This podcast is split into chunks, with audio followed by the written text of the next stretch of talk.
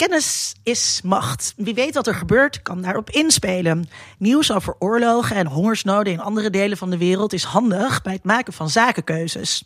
In de vroegmoderne tijd circuleerden door heel Europa nieuwsbrieven in het Italiaans avvisi, waar je ons woord advies in hoort. Het waren handgeschreven brieven die werden doorgegeven aan zakelijke contacten. Favoriete onderwerpen waren militaire kwesties, diplomatie en nieuws van het Hof. Oh ja, en natuurlijk roddel. Tegenwoordig gaat nieuws razendsnel de wereld over. En je hoeft geen succesvol zakenman te zijn om toegang te hebben tot economisch nieuws.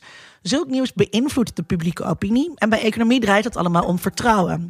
Wat zijn de effecten van economisch nieuws? Deze podcast wordt mede mogelijk gemaakt door Code Clear. Duidelijk over websites en design.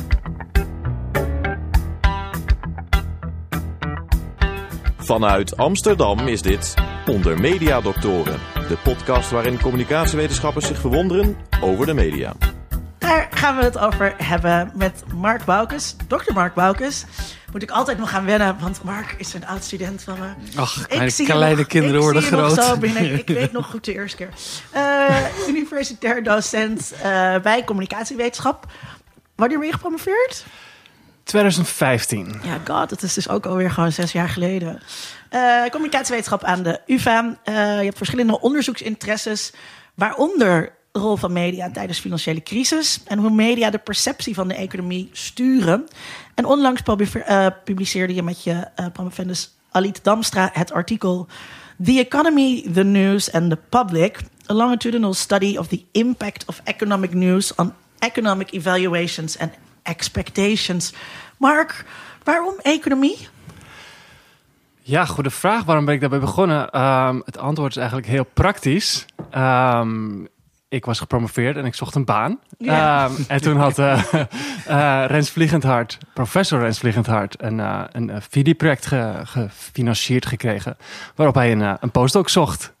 En dat werd ik. Ja, want je, want je promotieonderzoek gaat ook over effecten. Um, maar dan hele andere. Klopt, ja. Mijn, mijn promotieonderzoek en nog heel veel onderzoek wat ik momenteel doe... en eigenlijk ook binnen dat project heb uitgevoerd... gaat over effecten van infotainment, over satire... Uh, over vermakelijke vormen van nieuws... en hoe dat de publieke opinie kan beïnvloeden. En dat onderzoek hebben we dan een beetje vertaald... naar, of in ieder geval heb ik vertaald dan... naar uh, de context van economisch nieuws. Eigenlijk de andere kant op dan wat je misschien zou verwachten. Ja, dus van, van vermakelijk uh, naar wat droger misschien. Ja, inderdaad. Hey Vincent, uh, jij verkocht onlangs al je aandelen. Ja. Ik, Waarom? Het, nou ja, toen... Um, het gekke is... Ik zat natuurlijk na te denken dat we vandaag over economisch nieuws uh, gingen hebben. Ja, ik, ik volg economisch nieuws en ik denk daarbij op enige wijze een soort sturing te kunnen geven of dingen te kunnen verwachten uh, over mijn aandelenpakketten door daar dan uh, in of uit te stappen of daar uh, iets mee te doen. nee, dit was in coronatijd. En mijn aandelen die doken harder naar beneden dan een zwarte piste op een gemiddelde wintersport. Denk je dat als je toen dit artikel van Mark en Alit had gelezen, dat je het dan misschien niet had gedaan? Nee, kijk, het gekke is economisch nieuws, en daar gaan we het waarschijnlijk uh, nog over hebben. Wat is het idee? Is, uh, nee, wat ik nu ga zeggen is, ja, er zijn natuurlijk allemaal technische gegevens en dingen die je kan rationaliseren over hoe dingen gaan. Maar zeker de aandelenhandel is ontzettend gedreven door. Het zijn allemaal hele emotionele jongetjes en meisjes die allemaal op reageren. En je kent de toekomst niet. Dus op het moment dat die aandelen gingen dalen, heb ik mij de vraag gesteld: wat is meer van waarde voor mij? Is het van waarde dat ik niet meer elke twee uur ga kijken dat ik weer een paar duizend euro kwijt was? Of is het mij het waard om nu het verlies te nemen van die, van die paar weken en te zeggen van goh, ik, ik koop zelf maar voor die paar duizend euro koop ik mijn zielenheil terug om niet meer daarnaar te hoeven kijken. Dus dat wat economisch nieuws is en wat het met mij als consument doet of als aandeelhouder is veel complexer dan, want je hebt gewoon gelijk als je, zolang je blijft zitten, uh, uh, als je aandelen daalt, dat is toch zo'n uitspraak, als je aandelen niet verkoopt als ze dalen heb je ook nog geen geld verloren. Hoor je ook heel veel over bitcoin bitcoins en wat dan ook voor al die mensen die bibberend achter een beeldscherm zitten als we eruit gaan. Ja, dat, dat is een heel raar, sentimenteel, emotioneel gedoe, uh, economisch nieuws volgen. Wat was je vraag? Ja, ik had toen alles verkocht, want ik was heel emotioneel. Dat ik dacht, Ja, die dikke 20.000 euro die ik nu in een paar eh, dagen kwijt ben. Wat had ik daar voor leuke dingen mee kunnen doen? Ja, heb je nu veel, Mark, heb je veel mensen die, eh, die jou nu om, eh, om tips vragen? Helaas niet, nee. en, en ja, ons onderzoek gaat ook vooral over algemene perceptie over hoe de economie het doet. En misschien is dat ook wel waarom je daarom misschien een verkeerde keuze hebt gemaakt. Dat economisch nieuws gaat over het nieuws over het land of hoe de economie ervoor staat. Terwijl aandelen gaat over hoe een bedrijf het doet. Ehm, en dan vooral op dit moment zie je dat de grote bedrijven het misschien juist wat beter doen uh, dan voor de crisis. Ja, nee, aandelen zeggen niks over de economie. Tenminste, die, die lopen niet parallel.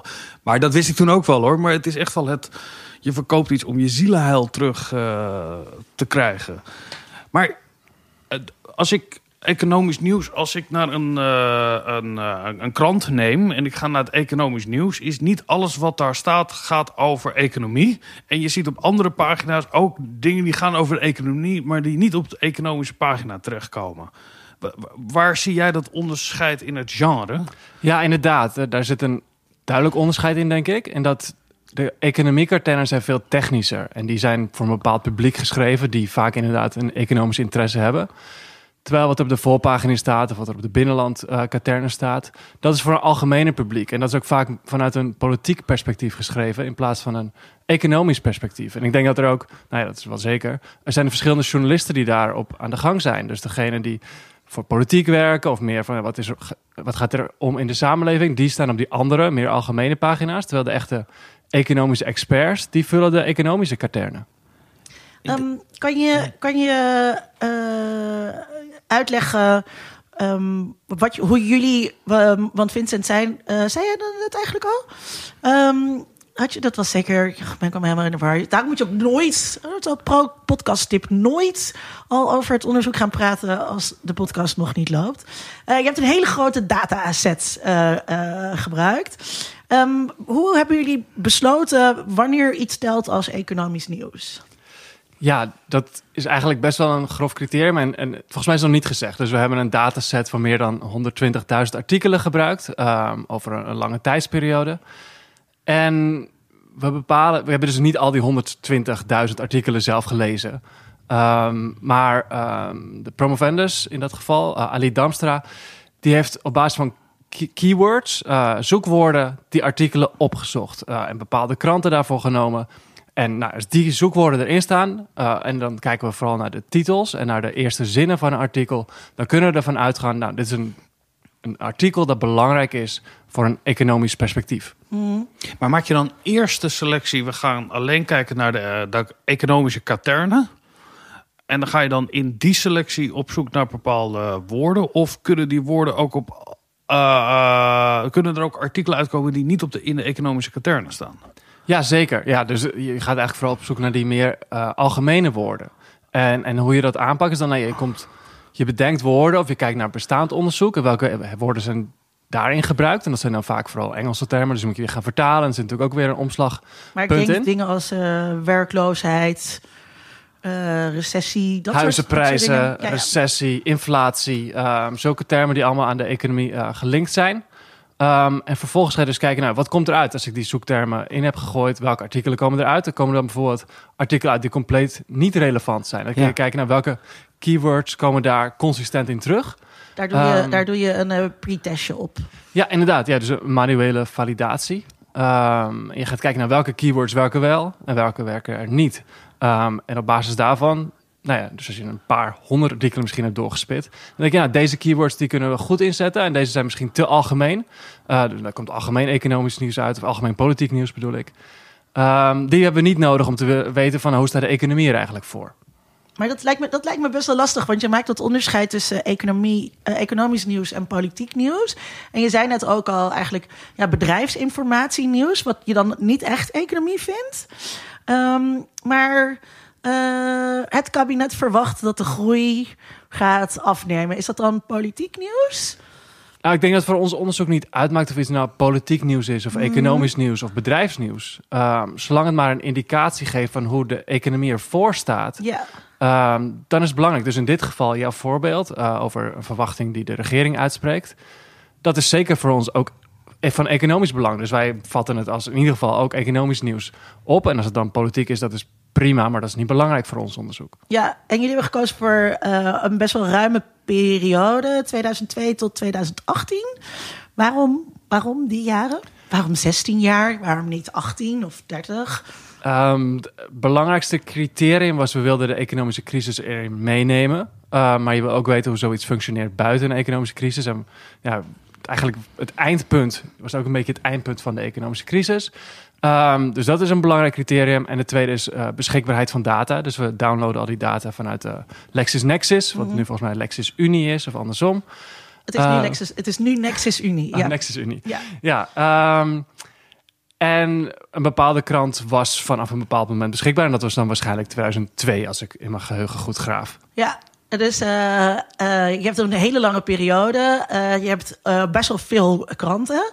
en dat leidt vervolgens tot inderdaad meer dan 120.000 artikelen. je bent een oud student. Ik heb je leren interviewen, kwalitatieve methode. Waarom in hemelsnaam moet je zoveel artikelen hebben? Nou ja, de vraag is dus, dus we willen een, uh, uiteindelijk willen we die trends waarnemen. Mm. Um, en dus over een periode van bijna 20 jaar, um, in verschillende kranten. Um, dus nou ja, als je dus voor 20 jaar, en we willen eigenlijk dan per week kijken hoe de trends uh, lopen, of per maand. Uh, dat weet ik even niet, waarschijnlijk per, per maand. maand. Um, dan heb je dus al heel veel data nodig. En dat is sowieso al te veel om dat met de hand te gaan analyseren. Dus dan is de vraag: wil je een sample trekken, een uh, steekproef, mm. of wil je alles gaan analyseren? En als je dan toch alles kunt krijgen, dan doe je maar alles. Omdat je dan toch een preciezer hebt dan wanneer je het automatisch gaat doen op een sample. Dus dat is een beetje. Een, Omdat je met je steekproef ook fouten kunt maken. Zeker, ja. ja. Um, dus dat is de manier. Um, en we hebben besloten dat we dit met een, een, automatische methode gaan analyseren. Dus dan, nou ja, het staat ook gewoon beter op je publicatie als je er uh, 120 hebt dan wanneer er 120.000 in plaats van dat je er 10.000 hebt natuurlijk. Ja, staat heel impressive. Zeker, ja. ja. Nee, er staat er geen 120.000. Er staat echt heel precies 127.348 of zoiets. Um, in de, want van, vanuit welk idee vertrokken jullie eigenlijk? Wat, waarom was de noodzaak om dit onderzoek te doen? De noodzaak is dat je wilt weten. Um, eigenlijk, we twee onderzoeksvragen. Um, de eerste is hoe reageren media op trends in de economie? Wat, wat, wat, vangen ze wel op, wat vangen ze niet op? En wat wordt er wel doorgegeven aan het publiek en wat wordt er niet doorgegeven aan het publiek? en daarvoor heb je dus schommelingen in de economie nodig.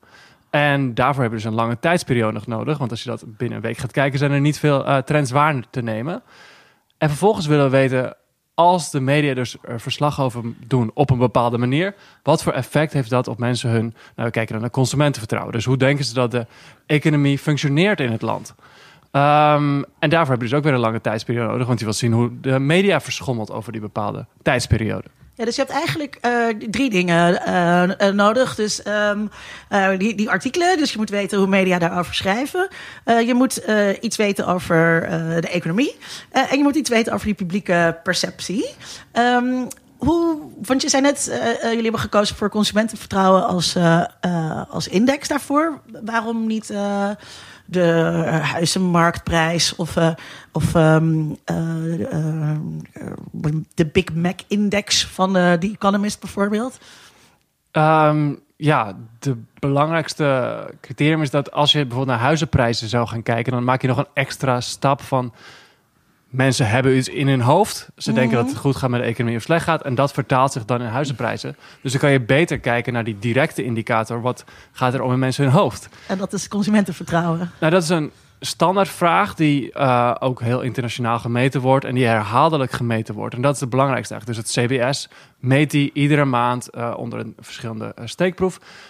van mensen in Nederland. waardoor je dus heel mooi trends over tijd kunt waarnemen. En zulke variabelen zijn er verder niet heel veel.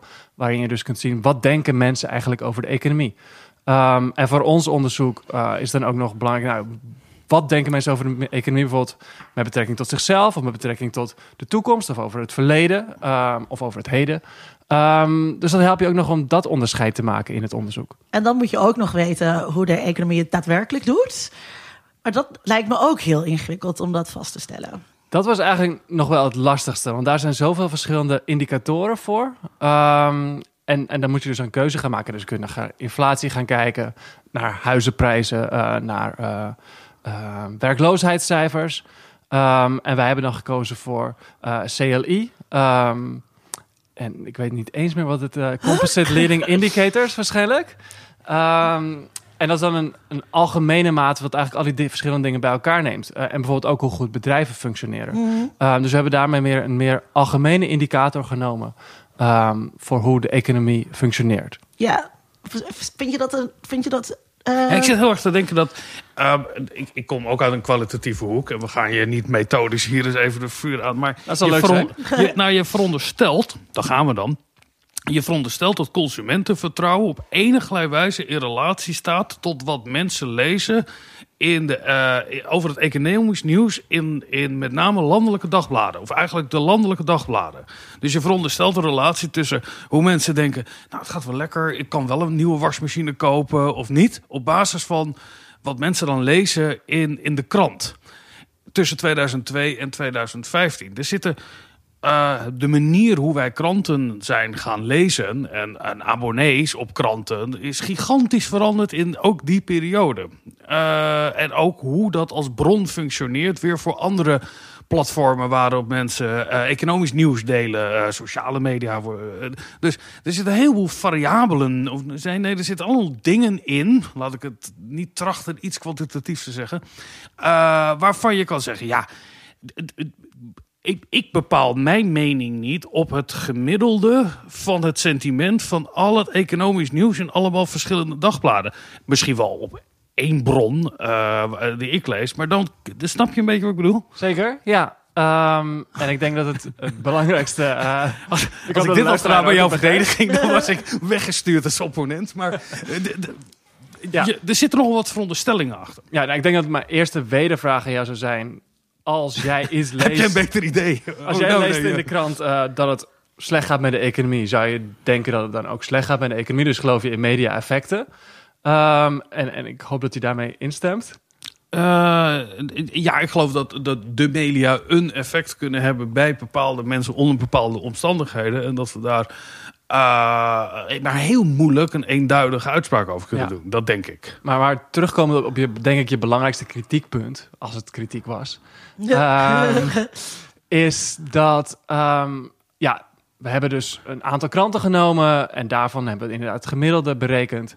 Ehm, en dat dan als indicator genomen van hoe de media functioneren. Maar we zeggen niet dat het komt alleen door kranten, maar wij maken eigenlijk de assumptie dat wat in kranten staat ook weer grotendeels eh, hetzelfde beeld wordt weergegeven in televisiejournaals. Ja. Of wat mensen eventueel op social media tegenkomen. En wat wij uit heel veel onderzoek, we- ander onderzoek weten, niet van ons, maar dat kranten nog steeds een hele eh, agenda-setter zijn, eh, bepalen eigenlijk hoe andere media verslag doen van een bepaald onderwerp, dus in dit geval de economie. Dus als er slecht nieuws in kranten staat over de economie, dan zal er waarschijnlijk ook slecht nieuws zijn op televisie en op de radio, et cetera. Ehm, en hetzelfde voor positief nieuws. Dus als kranten positief nieuws weergeven, dan zal waarschijnlijk in het algemene mediabeeld van Nederland er een positieve ehm, picture zijn van, van hoe de economie eh, op dit moment functioneert. En komt dat omdat kranten eh, hier meer eh, gespecialiseerde journalisten voor in dienst hebben? Gedeeltelijk. Ehm, sowieso hebben zij meer journalisten in dienst. Ehm, andere journalisten die lezen ook kranten om te, zichzelf weer te informeren over hoe het gaat met bepaalde zaken. Ehm, en dan is het ook gewoon nog zo dat eh, de, de journalisten die bij de NOS werken... waarschijnlijk dezelfde persberichten lezen als die van de kranten. Dus zij ook eenzelfde beeld weer vervolgens gaan schetsen eh, van de economie. Ja. Ehm, dus we hebben, we hebben die drie eh, dingen. We hebben krantenartikelen, we hebben een indicator van publieke perceptie van de economie en we hebben een indicator van de daadwerkelijke economie. Hoe koppel je die dan allemaal aan elkaar? Hoe moet ik me dat voorstellen? Is er ergens op het Science Park een megacomputer waar je dit allemaal ingooit? Het is niet zo lastig hoor. Ehm, want je Ik had berekent... het zo leuk gevonden als er een megacomputer was. Nee, daar hebben we andere onderzoeken voor. Maar nee, hier heb je dus gewoon... Eigenlijk, is het heel simpel. Dus het is ehm 15, 16 jaar. Ehm, en dus gemiddeld dus per maand. Ehm, dus dat is 16 keer 12. Nou, ik weet niet wie goed is in hoofdrekenen. Ehm, Eh 16 keer 12, dat is, is zo'n eh, 160, dat is 160 ja. 124, dat is 184 waarschijnlijk. Ehm, meetpunten. Ehm, vervolgens heb je dus drie indicatoren. Dus 100, eh, 160 keer 3 is, is 480 cijfertjes eigenlijk. Die je vervolgens met elkaar gaat linken. En kijken van welke voorspelt nou in een volgende maand ehm, de waarde van hun volgende. Ehm, dus je maakt eigenlijk een model en in die modellen zitten dus de cijfers van de economie, van de media en van de publieke opinie. Ehm, je kijkt hoe op een vorig tijdspunt ehm, de, het volgende tijdspunt wordt voorspeld eigenlijk. Waarbij je altijd controleert voor het vorige punt van bijvoorbeeld de publieke opinie. Dus hoe dachten mensen in januari over de economie? Ehm, vervolgens ga je die voorspellen in februari. En kijk je ook, wat, wat was nou de verslaggeving tussen januari en februari in de media? Waardoor je dus kunt zien, nou ja, mensen dachten positief en dat werd iets positiever nog. Ehm, en we zagen dan ook dat in januari er redelijk veel positief nieuws was over de economie. Is het niet volstrekt logisch? Is het niet een zelf... Omdat je, je veronderstelt dat het, eh, onze visie van de media... of onze visie op de economie mede bepaald wordt door ons mediagebruik. Dus door te beschrijven hoe er... Maar net zei je nog het tegenovergestelde. Ja, maar... eh, het- het- dan kan je die relatie altijd... eh, die- zou daar... Als je die veronderstelling hebt, waarom moet je het dan onderzoeken? Nou, ik denk dat er twee belangrijke zaken zijn. Ehm, allereerst is de vraag natuurlijk, nou, baze- baseren mensen hun mening of Trouwens, we hebben nog helemaal niet gehoord of het zo is. hun Of perceptie wat, wat over de uitkomst is daar Ja. hiervan. Ja. Nee, en ik denk dat dat ook best wel een belangrijke vraag is. Ehm, want Ik denk mensen dat het een heel belangrijke, Mensen een heel kunnen- belangrijke vraag is, omdat er Ja. onwijs veel op het spel staat. Mhm. Dus bij wat ik net zei, dus bij economie draait het allemaal om vertrouwen. En op het moment, ja, dat, dat wat jullie ook schrijven van, hè, dus een, een groot deel van hoe je dat denkt gaat over eh, je persoonlijke ervaringen en, en of je ontslagen bent of loon, netloonsverhoging hebt gekregen en wat je van mensen uit je omgeving hoort. Maar ja, ehm, media zijn een venster op de wereld en zo leren we over die wereld. Ja, dat, dat, dat krijg je vanuit de media mee. Ja, en, dat is precies wat ik wilde zeggen. Dus mensen hebben zoveel ervaringen in hun eigen leven eh, over de economie. Ze horen van hun vrienden of vrienden dat die worden ontslagen, wat ze misschien eerst een baan hebben gekregen. Krijgen ze wel of geen opslag? Ehm, hoe goed doet hun bedrijf het? Ehm, gaan de huizenprijzen omhoog? Kunnen ze nog een huis betalen of juist niet? Ehm, en daarbovenop spelen media nog steeds een rol of niet? En dat is eigenlijk uiteindelijk wat we daarbij eh, wilden onderzoeken. Ehm, en, er zijn nog veel meer subtiele nuances te maken waar je misschien ook nog naar gaat vragen. Nou ja, want je, jullie maken een onderscheid in positief en negatief economisch nieuws. En ik, ik, ik zat te denken, als ik nu het nieuws lees, en ik volg dat best wel. Ik snap op dit moment eigenlijk heel weinig van de economie. Nu heb ik ook helemaal geen achtergrond daarin.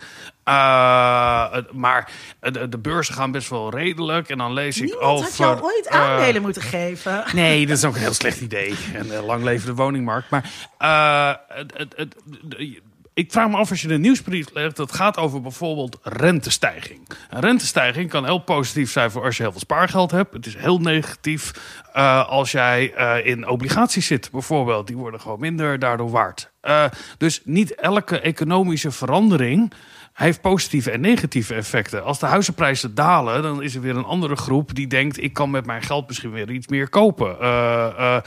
Hoe bepaal je dan of iets positief of negatief nieuws is? Ja, hele interessante vraag. En, en daarom hebben we dus niet die bepaalde economische termen gebruikt uh, om vast te stellen of iets nou positief of negatief nieuws was.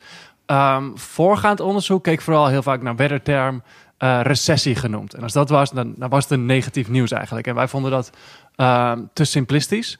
Um, en daardoor zijn we op een andere manier overgaan. Eigenlijk zijn er twee verschillende manieren. Dus je hebt dictionary approaches. Dus mensen gebruiken heel veel woorden. En die zijn dan geclassificeerd als positief of negatief nieuws. Maar die werkte eigenlijk niet goed. Terwijl heel veel mensen denken altijd, nou, dat is eigenlijk de manier to go. En dat is eigenlijk... Sentimentanalyse. Ja. En daar hebben we ook later een onderzoek naar gedaan. Daar kunnen we misschien ook nog over spreken. Maar in dit geval deed het eigenlijk heel erg simpel. We keken naar de emoties die voortkwamen in dit nieuws. Um, en dan eigenlijk vooral hoop en angst. Uh, en dan woorden die daar weer omheen hangen. Um, en op het moment dat er meer hoop in naar voren kwam, nou, dan blijkbaar dachten mensen, nou, dan gaat iets eigenlijk goed. Terwijl als het dan uh, negatief was, dan er meer angsttermen in eigenlijk. Um, en dit komt voor het onderzoek van Jan Kleinijhuis van de VU. En die hij heeft was een van de eerste ook die met die sentimentanalyses begon. Klopt, ja. Hij is eigenlijk echt een trendsetter uh, binnen communicatiewetenschap überhaupt. Uh, en ook hier heeft hij ons gedachtegoed heel erg uh, ja, vormgegeven. En voor, hoe onderscheidt dat dan zich van dat dictionary-onderzoek waar je... Ja, dus dictionaries die hebben vaak, nou, die kijken wel naar duizend negatieve woorden. En, en dan is inderdaad de vraag misschien wat jij misschien meer specifiek zijn nou, over huizenprijzen. Is dat nou positief of negatief? Heel veel woorden zijn binnen een bepaalde context misschien positief of negatief. Maar bijvoorbeeld in de context van economie maakt het helemaal niet uit wat zo'n woord nou precies betekent. Dus er zitten heel veel irrelevante woorden in. Um, terwijl wij hebben nou gekeken naar welke woorden zouden binnen die context van economisch nieuws echt een, ja, een, een Ja. positieve of een negatieve tendens kunnen weergeven. Dus daar hebben we veel selectiever. Dus we hebben echt Eh, nog een slag gekeken. gemaakt op basis van die vragenlijst of van die, van die woordenlijst om te kijken hoe dat specifiek in die context zou kunnen. Ja, dan Ja. heb ik hem scherper in mijn hoofd. En daar hadden we dus veel minder woorden eigenlijk voor nodig om het precies even goed te doen als die. eh, nou, eigenlijk veel beter te doen dan die, die, die hele grote dictionaries met heel veel irrelevante woorden. En je zei net, eh, ehm, eh, daar hebben jullie later ook nog onderzoek naar gedaan. Dat is een aparte studie dan. Ja, eh, inmiddels hebben we daar zelfs twee studies naar gedaan. ehm, om te kijken naar wat voor. Nou, hoe goed werken die dictionaries nou eigenlijk? Want die worden heel vaak ingezet. ehm, nou, in het onderwijs, maar ook door bedrijven bijvoorbeeld. Om te kijken naar is het nou nieuws over ons bedrijf positief of negatief? En ik was heel erg benieuwd, omdat, nou ja, ik kan dat dus nog niet zo heel goed. Ehm, en ik dacht, ja, ik doe altijd eigenlijk manuele analyses. Zijn die nou eigenlijk echt zo goed, die automatische methodes? En daar kwam het eigenlijk uiteindelijk uit dat ze eigenlijk heel erg slecht zijn. Ehm, en wat nog wel schokkender is, is dat je in de Nederlandse taal hebben we vijf of zes van die dictionaries. En eigenlijk doen ze allemaal iets anders. Dus ja, om weer een statistische term te gebruiken, ze correleren amper met elkaar. Dus waar een ene dictionary zegt, nou, dit is heel erg negatief, zegt de volgende, nou ja, dit is eigenlijk heel erg neutraal of misschien wel positief. Ehm, Waar, hoe komt dat? Weet je dat? nou ja, dat komt dus omdat ze verschillende woorden eh, gekozen hebben binnen hun dictionary. Maar ik neem aan dat Ehm. zij toch ook wel... Want het is... ehm, eh, er, er is altijd best wel veel gedoe. Als je, als je kwantitatief gaat coderen... is er altijd best wel veel gedoe over... coderen alle mensen die dat doen eh, hetzelfde. Hè? Interpreteren ze zo'n codeboek op dezelfde manier... En het valt mij op dat bij die automatische analyses... we dus ook heel makkelijk... ehm, het aan de computer overlaten of zo. Eh, maar ik neem toch aan dat, dat, dat dit soort systemen, neutraal, ja. dat dit soort systemen die dat doen, dat, dat andere mensen daar wel eens eerder zo'n validiteitscheck op hebben gedaan. Ja, zeker. Ehm, het probleem is alleen... Validiteitscheck, denk ik. Ja, validiteit, ja. Ja. Want je wil weten wat je uiteindelijk meet en of het daadwerkelijk positief of negatief is. Ehm, maar dat komt omdat ze vaak wel gevalideerd zijn binnen een bepaalde context. En zulke classifiers zijn vaak ge- gevalideerd binnen een context van ehm, product reviews of movie reviews. Want die zijn heel makkelijk te klassificeren. Want mensen in zo'n review schrijven eh, en er staan een aantal bepaalde sterren bij. Dus als iemand één ster geeft en deze woorden gebruikt, nou dan zullen dat wel negatieve eh, woorden zijn. Dus dan kun je die automatisch eruit filteren. Oh, prachtig. Ja. Ehm, maar ja, kun je daar vervolgens ook nieuws, economisch nieuws mee meten? Dat zijn natuurlijk hele andere woorden die daarin naar voren komen. Ehm, of vaak zijn ze dan eh, toegepast eh, of, of ja, gecreëerd in de context van sociale media, waar mensen hele andere woorden en genres en, en discoursen gebruiken eh, dan binnen wat journalisten gebruiken. Ehm, en dan je vraag inderdaad van, nou, meten de, mensen allemaal hetzelfde? Dat hebben we ook in, dus een vervolgonderzoek recentelijk gepubliceerd met Wouter van Attenveld getest. Waar we eigenlijk, nou, we hadden dus menselijke codeurs in een anders onderzoek wat ik heb gedaan over economisch nieuws. Eh, en dan hebben we de titels laten coderen. Is het nou een negatieve titel, een neutrale titel of een positieve titel? En ehm, dat hebben we gecheckt. Nou ja, hoe correleert dat samen met eh, automatische eh, dictionary approaches, maar ook machine learning. Maar ook als we dit nou gewoon aan normale mensen voorleggen die normaal gesproken surveys invullen. Hoe reageren zij dan? En daar zien we eigenlijk een hele sterke correlatie tussen wat normale mensen zien en wat onze getrainde codeurs deden. Ehm, maar niet zo sterk correlatie met eh, machine learning. En eigenlijk bijna helemaal geen correlatie met die eh, dictionary of woordenboek approaches. Kan jij nog een voorbeeld, misschien is dat lastig hoor, eruit halen van een artikel wat al gecodeerd werd als negatief, maar door de menselijke codeurs juist als positief of andersom?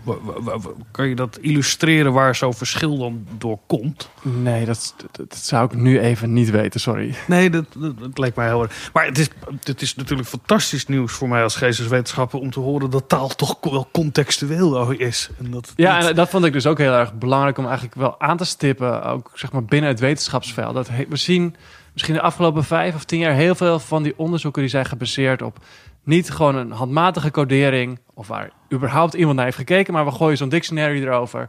En we weten nu, nou, dit zijn, dit, deze outlet publiceert meer negatief nieuws dan een ander outlet. Of over tijd is het misschien positief of negatiever geworden.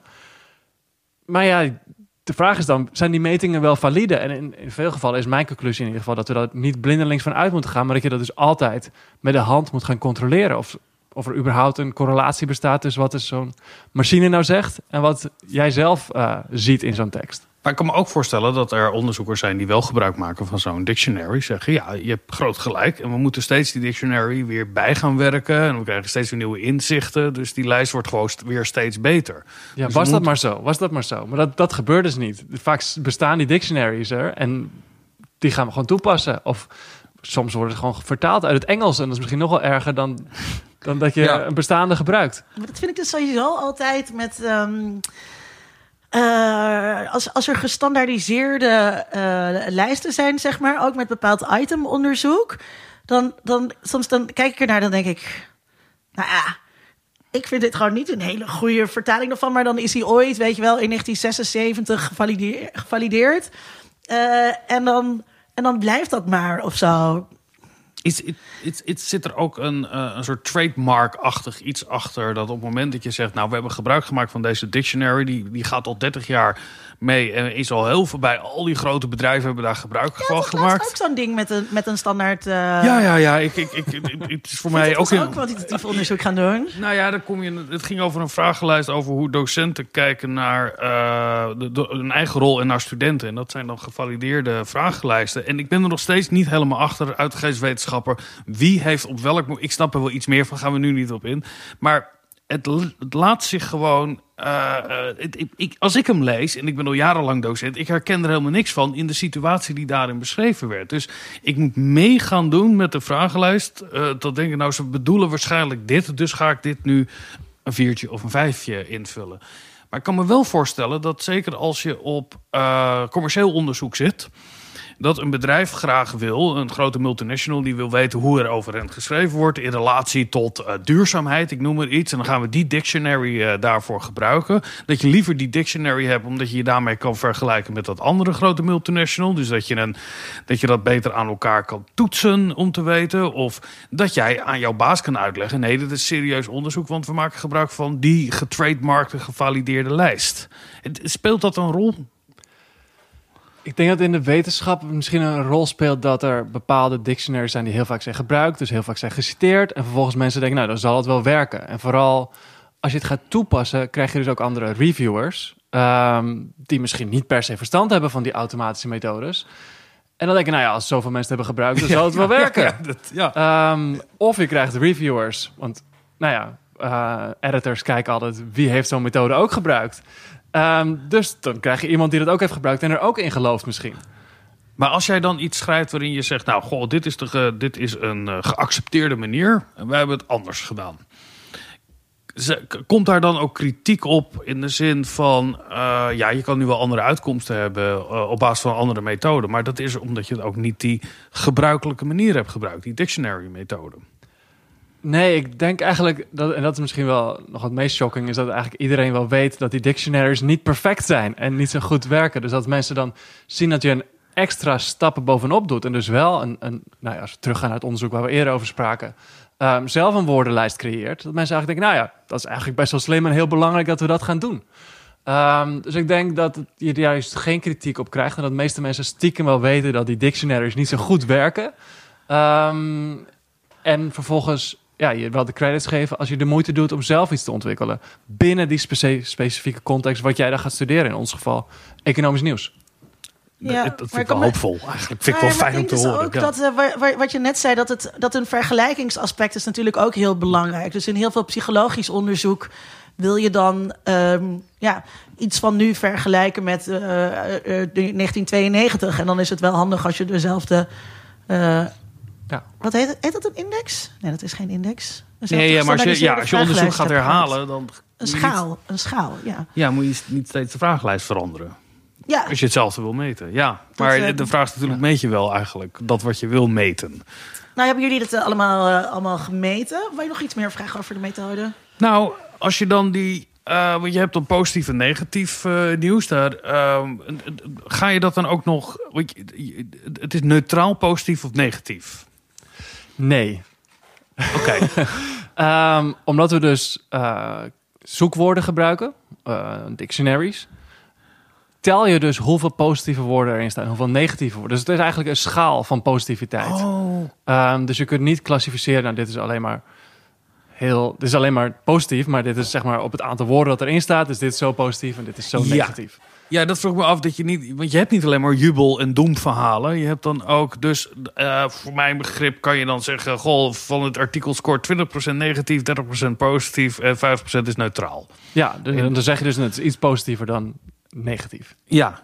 En, en, want we hebben nog helemaal niet eh, gehad over de uitkomsten hiervan. Over de relatie tussen positief en negatief nieuws. Over, en dan ging het, ging het dan over consumentenvertrouwen? Of is het, gaat het over onze visie op de economie? Of zijn dat twee verschillende dingen? Nee, eigenlijk is consumentenvertrouwen een, een algemeen begrip of een index, zoals Linda net zei. Ehm, en dat bestaat uit eigenlijk uit vijf verschillende vragen die in alle landen op dezelfde manier worden gesteld. Dus de vraag is eigenlijk: hoe denk je dat de economie ehm, het in de afgelopen twaalf maanden deed?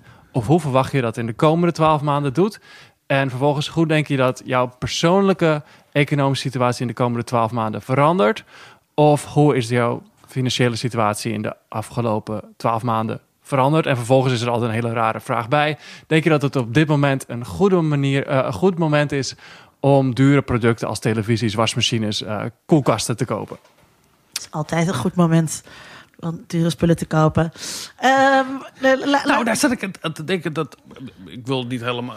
Kijk, er zijn ook partijen in Nederland, politieke partijen, die zeggen nou, wij gaan niet meedoen aan doorberekeningen van onze programma's. Want wij wijzen eigenlijk het hele systeem af. Eh, ik ken zelfs mensen hier aan tafel die positief ten over dat soort partijen staan. Eh, dan zou je slecht economisch nieuws, namelijk de ineenstorting van het kapitalisme, als een hele positieve ervaring kunnen hebben. Dat jij veel consumentenvertrouwen hebt in het ten neergaan van het kapitalistische systeem. Of dat hebben jullie in je onderzoek waarschijnlijk niet meegenomen. Dus zoveel nuances nemen we er niet bij mee. Ehm, maar dat is nog steeds de vraag: is het kapitalistische systeem naar beneden zou gaan, zou dan in de komende twaalf maanden Ja, dat dat ten koste gaan van banen Ja. of van salarissen? Ja, dat is de schoonheid van het kapitalisme natuurlijk. Hè? Dat je, ja, we hebben het kapitalisme nodig om het omver te werpen. Laten we, laten we eens naar, eh, naar jullie resultaten gaan. Eh, jullie hadden vijf. Sorry, jullie hadden vijf hypotheses. En eh, ja, ik heb ze allemaal hier. Eh, ehm, wat ik heel interessant vond, is dat ehm, eh, er is sowieso een negativiteitsbias. dat, dat weet je ook uit, uit eerder onderzoek. Journalisten schrijven disproportioneel veel over slecht nieuws. Ja, dat is eigenlijk de eerste stap van ons onderzoek. Van hoe geven journalisten of hoe geven kranten nou de economie weer? Uh, en daarbij maken we eigenlijk verschillende nuances. Dus we kijken naar hoe, doet, goed doet de economie het op een algemeen niveau. Um, maar ook hoe verandert het nou? Dus op maandelijkse basis eigenlijk. Dus dat zijn eigenlijk twee indicatoren. Er zijn zoveel werklozen. Of is de werkloosheid toegenomen of afgenomen? Dat zijn twee verschillende dingen. Dus de economie of de, de werkloosheid kan heel hoog zijn, maar hij kan wel afnemen. Dus eigenlijk heb je dan een slechte economie, maar wel een positieve trend. Of een ja, positieve trend die eigenlijk negatief is. Maar, Ja, uh, ja, dat is, ja. Dus die nuance is ook altijd met ja, is economisch nieuws naar positief of negatief. En dan als de e werkloosheid afneemt, is het ook een positieve trend. Misschien is dan optimistisch of um, pessimistisch een betere benaming. Ja, en dat gebruiken we inderdaad ook voor, die, uh, voor dan de uitkomsten van hoe het dan ja. weergegeven wordt in de media, maar ook uh, hoe het publiek erover denkt. Um, dus we kijken eigenlijk, nou ja, hoe goed deed de uh, economie het over het algemeen, um, maar ook wat is de trend of de korte termijn. Um, en wat je daarin ziet, is dat journalisten vooral kijken naar die uh, korte termijn trends. Uh, dus gaat het nu beter of slechter, vergeleken met een periode hiervoor, en niet naar het absolute niveau. En dat ze dan vooral die negatieve trends oppakken. Dus ze gaan meer schrijven over de economie op het moment dat de trends negatiever zijn. Dus het gaat slechter met de economie. En dan, uh, dat zie je dus in het volume heel duidelijk terug. Ja, inderdaad. Dat is uh, dan in dat geval onze uitkomstvariabele. Dus journalisten gaan meer over de economie schrijven op het moment dat er negatieve trends zijn waar te nemen binnen de economie. Is dat, is dat erg? Dat, dat journalisten. Uh, dus dat er over, eigenlijk als er positieve ontwikkelingen zijn, dat er bijna niet over geschreven wordt. Ja, dat is altijd de vraag. Want, en dat gaat een beetje uit van het idee aan wat moet een journalist doen? Uh, moet een journalist objectief verslag doen van de werkelijkheid, wat de werkelijkheid dan ook is? Of moet het een soort van watchdog journalist zijn die in de gaten houdt van nou, waar gaat het eigenlijk mis en daar moeten we verslag van doen.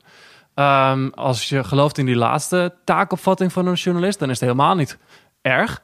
Dan is eigenlijk precies wat journalisten moeten doen: uh, weergeven waar het misgaat. Ja, maar ehm, hier gaat het ook uh, dus bij economie draait het veel om vertrouwen. Dus uh, op het moment dat het, dat, het, dat het misschien met de economie daadwerkelijk wel slecht gaat, maar het economisch vertrouwen desalniettemin toch nog hoog is, dan blijven mensen toch spullen kopen en gaat het uiteindelijk weer goed met de economie. Dus je hebt daar ook een enorme verantwoordelijkheid, lijkt me zo. Ja, zeker. En, en dat is eigenlijk de tweede stap in ons onderzoek, waar we kijken naar die effecten die zulk nieuws dan heeft. Um, en, en vervolgens ook in het uh, proefschrift van Alit uh, Damstra hebben we daar ook nog veel meer naar gekeken. Van, ja, wat zijn die effecten er nou van? Mm. En, en, er zijn best wel veel effecten die economie, uh, economisch nieuws uiteindelijk heeft. Inderdaad, op, op nou ja, consumentenvertrouwen. En consumentenvertrouwen is vervolgens weer een van de belangrijkste indicatoren, weten wij van hoe de economie gaat functioneren. maar bijvoorbeeld ook de effecten die het heeft op stemgedrag, of op ja, politieke voorkeuren uiteindelijk. En, vertel, ja, hoe zit het? hoe zit het? Ja, nou ja, het, trans, het, vertaalt zich dus heel erg door in consumentenvertrouwen, maar ook in vertrouwen in, in de regeringspartijen. Dus op het moment dat mensen meer economisch slecht nieuws over de economie lezen, um, dan vertaalt zich dat in minder vertrouwen in, in, hoe mensen denken dat de regering functioneert. En minder waarschijnlijk zullen, zouden gaan stemmen op zo'n partij die in de regering zit. Is dat, maar is dat ook zo? Ik kan me niet voorstellen we zitten met heel lang Rutte. um, maar in de tijd dat Rutte aantrad natuurlijk... was de economische crisis er al. En sindsdien is de economie best wel opgekrabbeld. Ja. Uh, dus mensen zien juist... en dat bleek uit, uit ons onderzoek... en dat maakt ja. ons onderzoek redelijk uniek ook... Um, dat is eigenlijk ook het andere onderzoek binnen het project. Dat er heel veel positief nieuws was in die tijdsperiode waarin wij ons onderzoek hebben gedaan over de economie. Um, en dat kwam ook nou ja, na de economische crisis. En dat is denk ik ook het moment vooral dat Rutte is aangetreden. Is het alleen maar beter gegaan. Dus was er heel veel positief economisch nieuws. En heeft dat uiteindelijk misschien ook wel uh, geresulteerd in meer stemmen voor de VVD. Uh, ja. ja. Ik, ik, denk dat de Trump een heel mooi voorbeeld uh, is als fenomeen. Dat een enorme booming economie ook aan...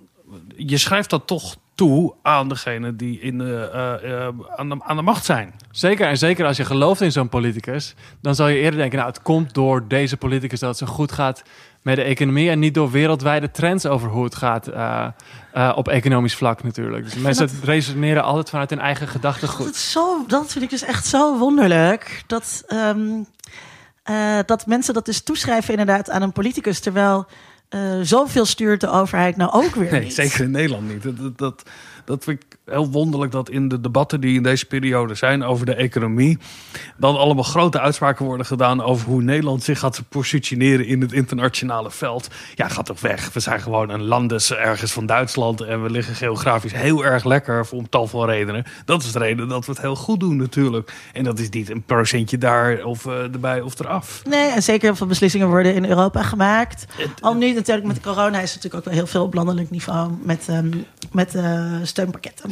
Misschien wat het belangrijkste op dit moment is ook de, uh, de rentestanden. En zolang die laag oh, ja, precies, blijven. Ja. En dat wordt natuurlijk vanuit de ECB uh, gecoördineerd. En vanuit, nou, die kijken misschien weer hoe de, de Amerikaanse banken het doet. En zolang daar niet heel veel verandert, zal misschien ook niet zo heel veel veranderen qua impact op de economie. Ja, jullie, jullie kijken heel erg naar. Um, uh, wat je net ook al zei, uh, jullie mensen kijken uh, in die vragenlijsten waarmee je publieke perceptie hebt gemeten, kijken ze zowel vooruit als achteruit.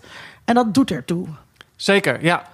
Um, en dat blijkt uit, uit andere onderzoek. Dus hebben ook in de, met individuele level data, waar we heel gedetailleerd naar de inhoud hebben gekeken. Um, laten we eigenlijk zien dat er altijd nou, die vier dimensies die ik eerder zei. Dus het kan over jezelf gaan of het kan over de uh, economie van het hele land gaan. Het kan over wat er in het verleden is gebeurd en wat er in de toekomst gaat gebeuren. Zien we eigenlijk heel twee duidelijke patronen in ons uh, onderzoek. Uh, eigenlijk uit verschillende onderzoeken die we hebben gedaan. Dat mensen hun opinies ten opzichte van de toekomst wel laten beïnvloeden, maar niet over wat er in het verleden is gebeurd. Ehm, en dat valt eigenlijk heel mooi binnen uh, het Media Dependency Framework. Uh, dus media afhankelijkheidstheorie. Mm. Dat mensen, nou, wat er in het verleden is gebeurd, dat heb je ook zelf waargenomen natuurlijk. Je hebt je eigen bankrekening zien veranderen. Je hebt misschien gezien dat je baan wel of niet is blijven bestaan. Maar wat er voor de toekomst gebeurt, dat is veel onzekerder. Dus op dat moment ben je veel meer overgeleverd aan wat de media daarover schrijven. En ook dus blijkbaar veel vatbaarder voor de effecten die media kunnen hebben. Want, want je kan het nergens anders vandaan halen, die informatie. Nee, ja, dus er is veel meer onzekerheid over de toekomst dan wat er over in het verleden is gebeurd. Dus dan is het eigenlijk ook best wel logisch dat je volgens wat er in de toekomst gaat gebeuren, uh, je meer laat bepalen door wat je nou deze uh, avond zag op het journaal of wat je gisteren uh, op nu.nl las. Um, is het dan ook zo, want we weten, want je hebt dus, je laat zien dat er dus um, meer over negatief economisch nieuws uh, wordt geschreven. Is dat dan ook, hebben, heeft dat negatieve uh, economische nieuws ook dan een sterker effect op mensen? Klopt, ja. Dus als we kijken naar uh, positief nieuws en naar negatief nieuws, zijn mensen veel vatbaarder voor negatief nieuws. Um, en, en dat is, daar wordt eigenlijk al verklaard vanuit mensen, zeg maar, menselijk instinct. Um, dat zodra je iets negatiefs ziet, daar zijn we niet aan gewend. Zeker in de Nederlandse context of in de westerse context. Negatief nieuws is chockerend. Terwijl als iets positiefs gaat, nou ja, dat is eigenlijk normaal. Um, dus mensen zijn veel, ja, veel gevoeliger voor als iets negatief is. En dan denken ze misschien, nou, dit gaat mijn portemonnee raken. Terwijl, nou ja, 2 euro verlies voelt eigenlijk veel harder aan dan 2 euro winst eigenlijk. Is dat zo, Vincent? Nou, ik zit te denken of het een soort naoorlogs uh, herreizend Nederland uh, uh, verhaal is. Hè? Dat, dat, dat als je kijkt naar de Tweede Wereldoorlog is er een hele gestage welvaartsgroei geweest. En nu komen we op een niveau, volgens sommigen, waarin het helemaal niet gezegd is dat de nieuwe generatie het beter zal hebben. Of die uh, financieel meer stabiliteit zal hebben. Dat de, uh, de luxe van vandaag is de noodzaak van morgen. Uh, om maar eens even een mooie quote aan te halen. Dat dat heel erg bepalend is over wat wij de verwachting hebben over een economie. Je ziet in, volgens mij in uh, groeiende economieën, zoals het dan zo mooi heet, dat daar uh, een hele positieve uh, gevoel is. In, zeker in een, in een periode waarin meer mensen tot de middenklasse gaan, gaan horen. Als daar een enorme groei in zit. Daar zit een veel positievere verwachtingen ook daarvan. in, in, in dat soort samenlevingen. Dus raken wij niet in een soort verzadigd idee over dat wij recht hebben op economische groei? En benaderen we dan eigenlijk de ontwikkelingen niet als iets heel negatiefs? Ja, dat, dat denk ik wel. Um, we gaan er eigenlijk vanuit dat het altijd wel goed blijft gaan. En zodra de werkloosheid een beetje gaat oplopen, of zodra ons salaris misschien een beetje relatief zal afnemen, of de koopkracht dan een, beetje zal afnemen, dan zijn, zijn we daar gelijk door gechoqueerd. Um, terwijl als het omhoog gaat, nou ja, prima. Ja, dat is eigenlijk niet zo erg. Of dat, ja, dat maakt me eigenlijk niet zo heel veel uit. Want we hebben dan die ontwikkeling. We hebben negatieve uh, ontwikkelingen krijgen veel meer aandacht. Uh, negatieve uh, berichtgeving heeft veel meer invloed op consumentenvertrouwen. Zou je dan kunnen concluderen dat ons consumentenvertrouwen eigenlijk structureel lager is dan wat economisch gezien uh, uh, uh, nou ja, redelijk zou zijn, laat ik het zo zeggen. Ik denk dat het een beetje overtrokken is. Um, maar wat je wel kunt concluderen is dat op basis van nieuwsverslaggeving er vaak een hardere shock naar beneden is qua consumentenvertrouwen op het moment dat het slecht gaat met de economie. Want nou, allereerst gaan journalisten daar dus veel meer over schrijven dan wanneer het positief gaat. Dus als het positief een positieve trend is, dan zal dat minder in het nieuws zijn, kan dat minder effect hebben, maar zijn ook mensen minder vatbaar voor het nieuws.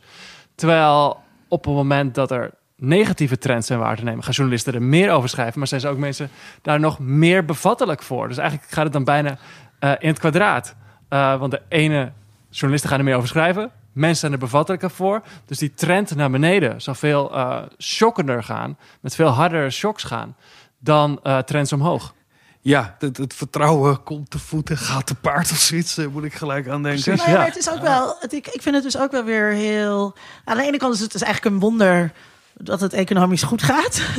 uh, uh, ondanks, zeg maar, die, ondanks dat media-effect wat jullie vinden. Um, um, maar het is toch ook wel heel interessant om te zien dat... Um, wat, wat jullie vinden dat eh, als het gaat over, over ehm, eh, wat is het? Ja, over, over de, dat terugkijken en achteruit eh, kijken. Dus ze baseren eh, hun, hun evaluatie eigenlijk van, van de werkelijke economie heel erg op, ehm, eh, op eigenlijk feitelijkheden. En, en voor die toekomst zijn ze veel afhankelijker van journalistiek. Maar dat komt dus eigenlijk altijd wel weer goed. Want ze corrigeren het dus later als... De, de, de werkelijkheid haalt het altijd in of zo. Zeker, ja, ja. Dus ja, inderdaad. Mensen gaan zich vervolgens bijstellen wat er is gebeurd die twaalf maanden later. Ehm, dus media hebben wel een effect. En ik vind nog wel belangrijk, je zei ook... het is een wonder dat het nog goed gaat met de economie. We moeten ook de media-effecten natuurlijk niet overdrijven. Er zijn effecten, ehm, maar die bepalen niet 100% hoeveel eh, mensen nou denken dat het goed of, of beter of slechter met de economie gaat.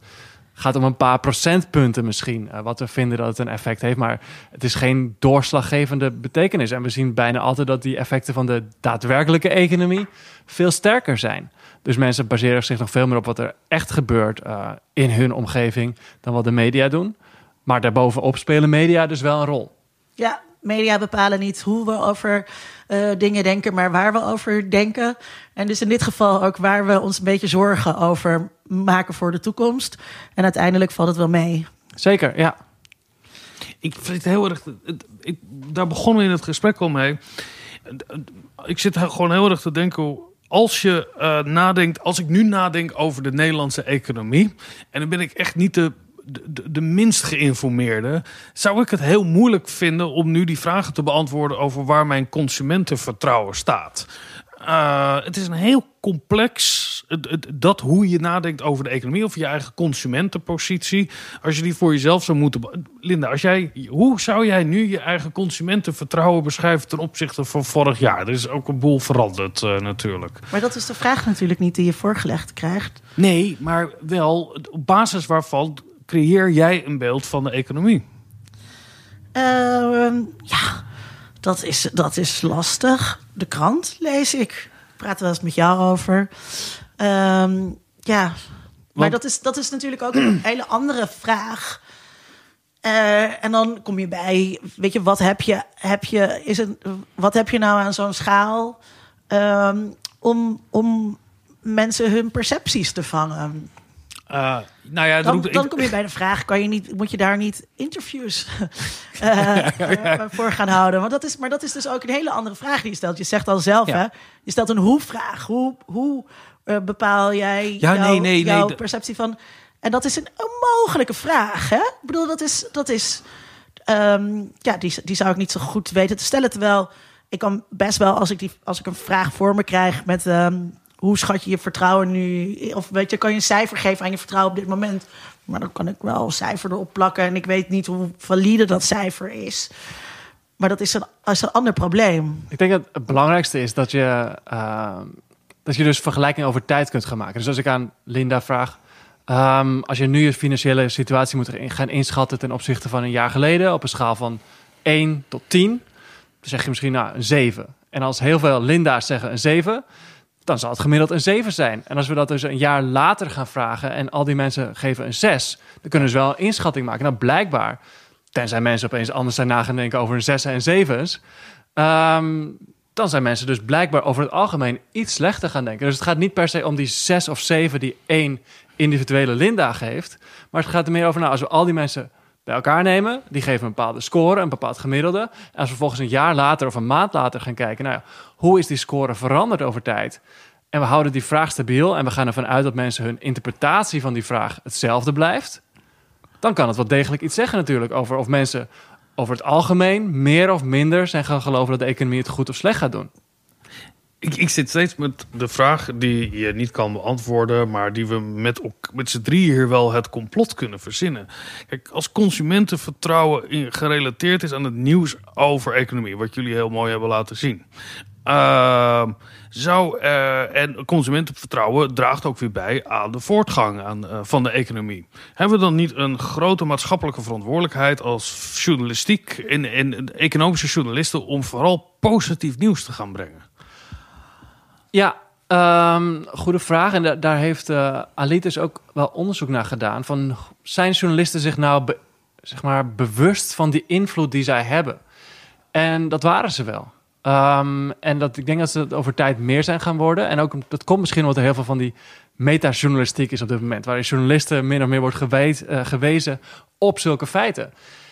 En ik kan dat niet staven met feiten, maar ik heb wel het gevoel dat er op dit moment de trends zijn natuurlijk niet echt heel hoopgevend wat er op dit moment gebeurt qua op economisch vlak. Maar als je kijkt naar het economisch nieuws, vind ik het niet per se heel erg negatief. Dus misschien komt Nee. het ook wel omdat journalisten een soort van verantwoordelijkheid voelen.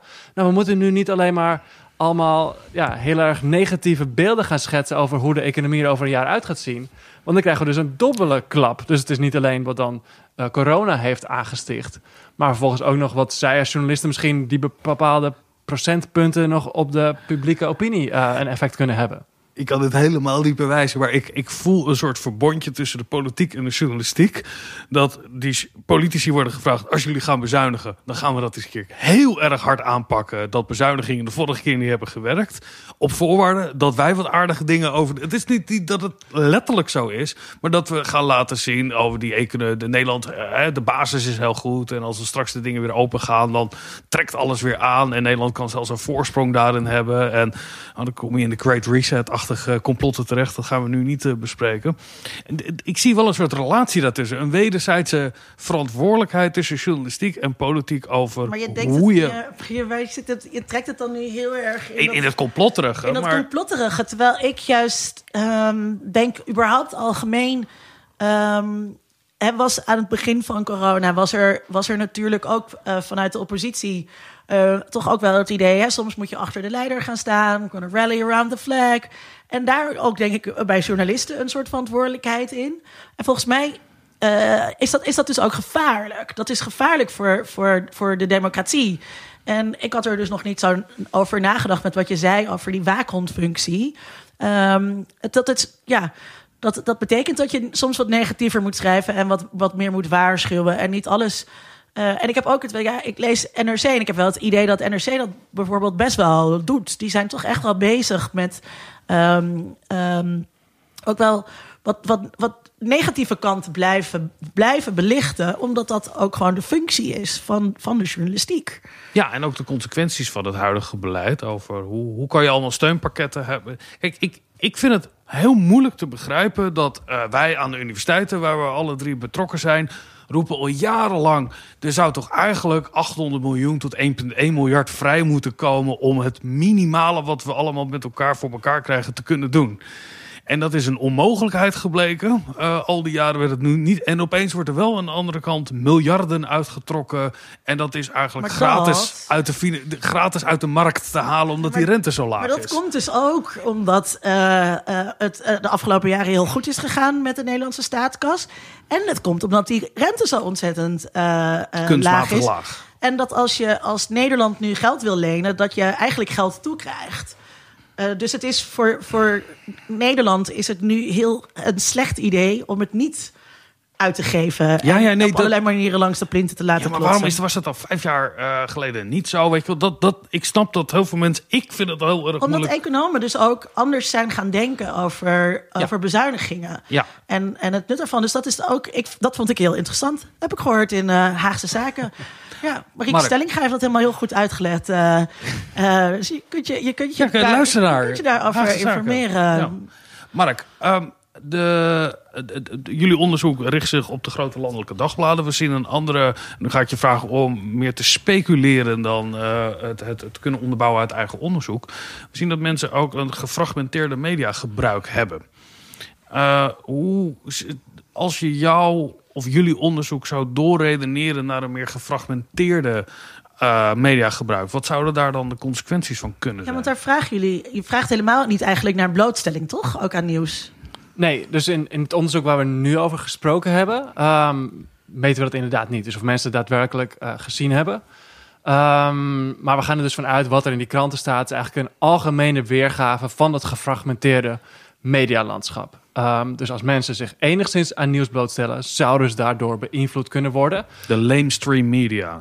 Dat is het, het gemiddelde van de lamestream Ja. media. Eh, maar wat je dus, eh, ehm, wat ik ging zeggen, ja, dus als je er enigszins aan blootgesteld worden, zou je erdoor beïnvloed kunnen worden. Mensen die er niet aan blootgesteld zouden worden, die worden niet, die zouden dat effect niet hebben. Dus uiteindelijk zou je dus het effect misschien wel onderschatten. Dus je meet een algemeen effect op een algemeen publiek.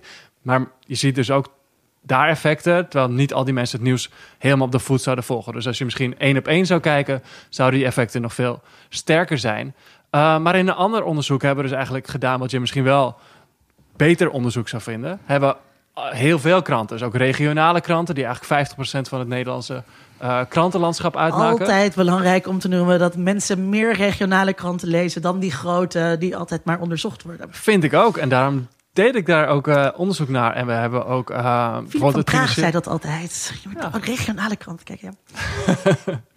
ja, en volgens mij zijn we een van de weinigen die dat hebben gedaan. En, en dat komt ook misschien... Uh, nou, ik groeide op en wij lazen alleen maar het Noord-Hollands Dagblad thuis. En ik had nog nooit de Volkskrant of de NRC gezien tot ik misschien een jaar of 18 was. Waar kom je vandaan dan? Uh, nou, uit de kop van Noord-Holland dus. En waar dan? um, in, uit het veld. Het veld? Wauw, ja. Nee, ik kom ook uit Noord-Holland. Uh, Waar dan? Uh, ik kom uit, uit, de grote stad Alkmaar. Ja, ja, dat, ja. dus dat ligt, nou ja, relatief aspect om de hoek. Je kan de kerk zien. Ja. het veld ligt in de buurt bij het zand. Dat, uh... Nou, nog wel 20 kilometer verder. Maar, maar zie, zag je regionale verschillen? Um, wat je eigenlijk heel mooi zag in die, uh, hoe verslag werd gedaan over de economie. Dus dat is een ander onderzoek. We gekeken naar nieuwsfactors of eigenlijk meer naar wat voor elementen zitten er in dat economisch nieuws. Zag je dat regionale kranten heel veel overeenkwamen met de populaire kranten. Dus de Telegraaf en het uh, AD. Terwijl de kwaliteitskranten. Um, mensen kunnen me tussen haakjes niet zien. Um, ik kon het wel horen hoor. Kon je, ja. Die kon je horen. Um, die hadden eigenlijk, die, die, die baseerden zich niet heel erg op de nieuwsfactors. Die deden veel meer uh, op een zeg maar algemene manier verslag van, uh, van economisch nieuws. Terwijl um, de populaire kranten, regionale kranten zich heel erg baseerden op nieuwsfactors als negativiteit. Dus er was die negativiteit nog sterker aanwezig. Uh, personificatie, dus ze gaven persoonlijke voorbeelden. Um, en er was er nog een derde die ik nu even niet uh, uit mijn mouw kan schudden. Um, dus er was wel ook nog wel een belangrijke nuance uh, tussen die regionale kranten, populaire kranten en dan aan de andere kant de kwaliteitsmedia. Want ik zie ook wel een. Uh, er is een tendens gekomen met uh, een traditie van AD en de Telegraaf. Dan heb je ook bij SBS. Dat er meer aandacht is gekomen voor de gevolgen van beleid. We, niet alleen maar de autoriteiten aan het woord laten, maar ook wat zijn de consequenties van de. Uh, Henk die bij de hoogovens werkt en nu uh, korenstiel en ontslagen wordt en zijn duiven niet meer kan onderhouden. Ik noem maar een voorbeeld. Ik weet niet of dat dat leidt volgens mij ook wel tot een ander beeld van de economie. Ja, um, daar hebben we dus gedeeltelijk ook onderzoek naar gedaan. Dus niet per se dat je dan meer of minder beïnvloedt. Um, maar we hebben wel gekeken naar, nou, in technische term, responsibility of attribution. Dus wie hou je nou verantwoordelijk? Um, in dit geval hebben we gekeken voor, het, voor de crisis eigenlijk. en, daar bestaat al heel oud onderzoek van uh, Shanto Iyengar naar. en wij vonden eigenlijk trends uh, de andere kant op. En dat vond ik ook al in mijn proefschrift, uh, de eerste studie van mijn proefschrift. Dat eigenlijk Nederlanders, maar dat vinden we ook uh, in Denemarken in ander onderzoek, op een andere manier reageren dan Amerikanen. Dat is wel interessant. Dus eigenlijk het idee is dat het traditionele idee is vanuit Amerika, als je meer mensen een persoonlijk beeld voorschotelt van hoe de economie het doet, dan geef je mensen daar de schuld van. Terwijl wat wij eigenlijk vinden, is dat Europeanen, en in ons geval Nederlanders, op het moment dat zij een persoonlijk beeld zien, zij eigenlijk denken, nou, die mensen zijn helemaal niet schuldig. Dus je eigenlijk uh, in dat andere onderzoek dan wat ik heb gedaan, ze kweken een soort van empathie voor de slachtoffers. Ja. Terwijl Amerikanen tegenovergestelde hebben, die zien, nou ja, jou, jij hebt het zelf veroorzaakt. Alle Amerikanen zijn rechts. Nou, dat is nog wel ja, eigenlijk dan een belangrijk onderscheid ook in het laatste onderzoek wat ik heb gedaan. Ja, het is wel waar. Dat weet ik, als ik me bedenk wat de toon is, iemand die werkloos wordt, is nooit het verhaal. Nou, dit is Gerda en zij faalde enorm op kantoor. Je het wel zelf uh, hebben gemaakt? Ja, die, uh, het is goed dat de baas de ruimte heeft genomen om haar eruit te gooien. Terwijl dat. Ja. Maar vanuit een ander perspectief zou je misschien denken: ze heeft niet hard genoeg gewerkt. Ja, ja, ja, maar Dat, die schuldvraag wordt nooit bij, de, bij het nee. individu gelegd. Dat zie je nu ook rondom corona. Mensen die dan uh, uh, in de creatieve beroepen zaten en nu niet meer konden wer kunnen werken, hoor je toch niet zoveel eh, over... ja, dan had je ook maar geen kunstenaar moeten worden. Uh, of had je maar geen kroeg moeten openen. Of had je maar niet uh, in het... nou, je bent erg begaan met het, het nachtleven. Ik heb niet gezien... Er is een enorme terughoudendheid... en misschien wel over hoe er gekeken wordt naar mensen in het nachtleven die daar werken. Maar het is niet, er is niet een argument van... ja, je moet ook daar niet gaan werken. Want dan kan je Ja, dat overkomen. niet- dat ben ik niet met je eens. Dus er is wel ook, eh, ook het wordt sowieso doodgezwegen, maar vanuit de politiek is er ook nog wel het idee, eh, ja leuk dat je dat je DJ bent, maar zoek maar een andere hobby. Ja, ja in de politiek, maar in de verslaggeving, in de Ja, er, is nieuwsverslaggeving... heel, er is gewoon heel weinig. het is wel een mooi onderzoeksonderwerp, lijkt mij, eh, voor jullie. voor dat nachtleven. Eh, aan het einde van de aflevering willen wij altijd een vraag beantwoorden. Ehm, hoe zit dat nou? Als, als je eh, daar een afgerond antwoord op moet geven, hoe verhouden die economie, nieuwsmedia over de economie en die publieke perceptie zich tot elkaar? En dan ga ik hem eerst aan Vincent voorleggen en dan aan jou kan jij er nog even over nadenken. Ja, kijk, hoe ze in elkaar zitten, dat kunnen we allemaal lezen. Eh, want dat hebben jullie op een hele systematische manier uitgezocht. En jullie laten helemaal zien hoe je de relatie daar... Laat je je overtuigen, Vincent, als, eh, als anti-media effecten. Maar, maar, ja, er zijn nog wel een heleboel, laten we zeggen, vervolgvragen die je kan stellen over, ja, hoe zit dat media, hoe, hoe, hoe kan je dat op een meer kwalitatieve manier, kan je dat, de relatie zien over hoe Maar mensen... is het aangetoond, het effect. Het effect is aangetoond als je deze methode kiest en deze aannames doet. Dus je Nou, doet als ik even een tussenstap mag nemen. We hebben dus verschillende onderzoeken gedaan. We hebben vandaag vooral over één, misschien twee gesproken. Maar ik vind dat de kracht van ons algemene project... is dat we dus heel veel verschillende methodes hebben gecombineerd. Dus we hebben deze eh, longitudinale studie gedaan... waar we dus over 16 jaar tijd hebben gekeken. En dus eigenlijk heel alles plat hebben geslagen. En daar vinden we het. We hebben het eh, in individuele media effect studies eh, gevonden... Uh, en we hebben het ook gedaan in een uh, three-wave panel studie. Dus we hebben mensen drie keer dezelfde vragen voorgelegd. We hebben de media geanalyseerd, gekeken wat stond er in de media. Welke kranten, welke televisiejournaals keken mensen. Dat volgens met elkaar gecombineerd. En daar vonden we het ook nog een keer. Dus we vinden het eigenlijk op drie verschillende manieren uh, bewijs voor hetzelfde. Ja, het, het, ja, Linda spreekt me aan omdat ik me wel eens kritisch heb uitgelaten over media-effectstudies. Uh, ik geloof dat de media uh, zeker effecten hebben. Uh, het zou heel raar zijn om te veronderstellen dat dat niet zo is. Ik geloof dat het een van de belangrijke invloeden zelfs in het leven is hoe wij media gebruiken. Maar dat er nog een heleboel andere dingen zijn die ook daar een rol in spelen. Maar Bijvoorbeeld, als, en dat... dat nou, maar is het toch alsnog interessant om te weten...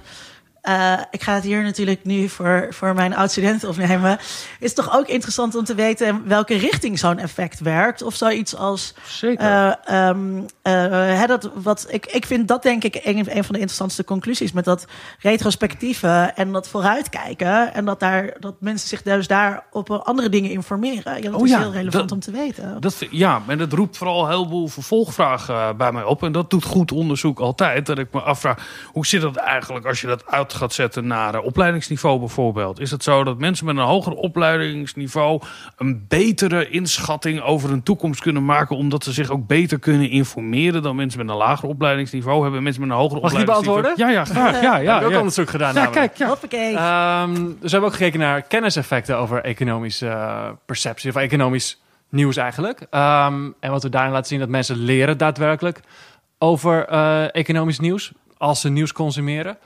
Um, en dat er een, belangrijke nuance daarin van te maken, inderdaad, qua opleidingsniveau. En dat het dus, um, even goed nadenken, dat het vooral de lager opgeleiden zijn die meer over de economie leren vanaf televisienieuws. Terwijl kranten en internet wordt eigenlijk meer algemeen uh, um, van geleerd. En dat kan om twee verschillende redenen zijn. Dat televisienieuws misschien alles begrijpelijker maakt. Dus veel gesimpliceerder. Maar de belangrijkste feiten kun je er nog steeds uithalen. Um, en de andere reden is dat mensen hun aandacht makkelijker bij televisienieuws te, te houden blijft. Terwijl misschien bij kranten dan pik je andere uh, dingen eruit die je misschien interessanter vindt. Um, dus dat hebben we gevonden. Nog een onderscheid, dus we hebben ook naar sociale media gekeken. Dat eigenlijk, um, nou, hoe vaak zit je op Twitter, hoe vaak zit je op Facebook? Uh, en dit sloeg blijkbaar voor heel erg aan uh, bij een Amerikaans publiek, want die hebben echt complot, kapot getwitterd hierover. Um, dat uh, mensen die heel veel op Facebook zitten eigenlijk minder over de economie leren. En dat het vooral de laag opgeleiden zijn van wie de economische kennis meer of meer wordt geschaad. Uh, Eh, Wauw. Dus we Ja. zien daadwerkelijk wel verschillen tussen opleidingsniveaus. Nou, daar gaan we het de volgende keer dan wel een keer over hebben. Ik vind het een... eh, ja, vooral dat schaden, dat, daar hebben we het nog helemaal niet over gehad... kan je op het ja, verkeerde pad gezet worden in je, in je, in je beeld. Ehm, maar de antwoord op de vraag, de relatie ertussen... Ja, ik, ik neem... eh, ik onderschrijf de bevindingen uit het onderzoek van... eh, van eh, Mark volledig. Want ja, ik heb daar weinig tegen in te brengen als je deze veronderstelling hebt. En ik had vervolgvragen, maar die zijn ook nog beantwoord. Die ga ik dan ook nog eens lezen. Toch denk ik dat ik er dan nog wel een paar weet te verzinnen. Ehm, het is grappig. We hadden, dus, we hadden dus Bas Haring te gast in een aflevering over weerstand naar waarheid. En toen hadden we het erover dat er zo weinig over methode wordt gesproken in wetenschapscommunicatie. En Bas zei, eh, als je die methode gewoon helder uitlegt, dan zullen mensen ook eh, sneller je onderzoeksresultaten eh, accepteren. Quod erat demonstrandum in deze aflevering, zou ik zeggen. Ehm, Mark, dat ging ook voor jou. Ja, ja, nee, ik snap je. Ik zit even na te denken. Ja, dat, ik- ja. Wanneer ik mij fundament, als een soort fundamentalist tegen de kwanties zou hebben afgezet, heb ik nooit gedaan. We moeten dat Dus, allemaal een eh, beetje, ik- een ik, eh, beetje, over, aanzetten. over eh, Anders is dat niet. is- Dat is leuk voor de luisteraar, Vincent. En Mark, hoe verhouden die economie en nieuwsmedia over de economie en publieke opinie over de economie zich tot, elkaar- tot elkaar?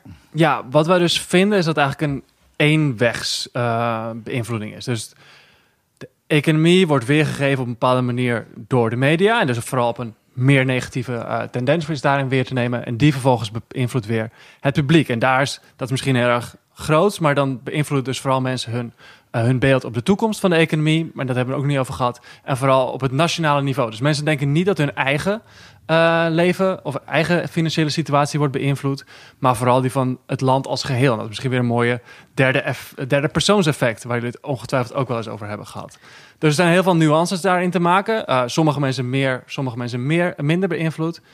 Ehm, maar over het algemeen, ja, de media pikken op wat er in de economie gebeurt, maar meer de negatieve dingen en mensen reageren daar ook op door middel van hun verwachtingen eh, over wat de economie in de komende jaren zal gaan doen. Is dit, ehm, is dit interessant voor economisch journalisten? Is dit opgepakt? Eigenlijk nog niet heel erg veel. Na, na Ehm, deze podcast ik- ik- ik- zal de telefoon rood gloeien. Ik denk dat de journalisten zijn vooral altijd bezig met hoe zij verslag doen van politieke aspecten. En dan vaak vanuit links-rechts of heeft het nou wel of niet een politiek effect.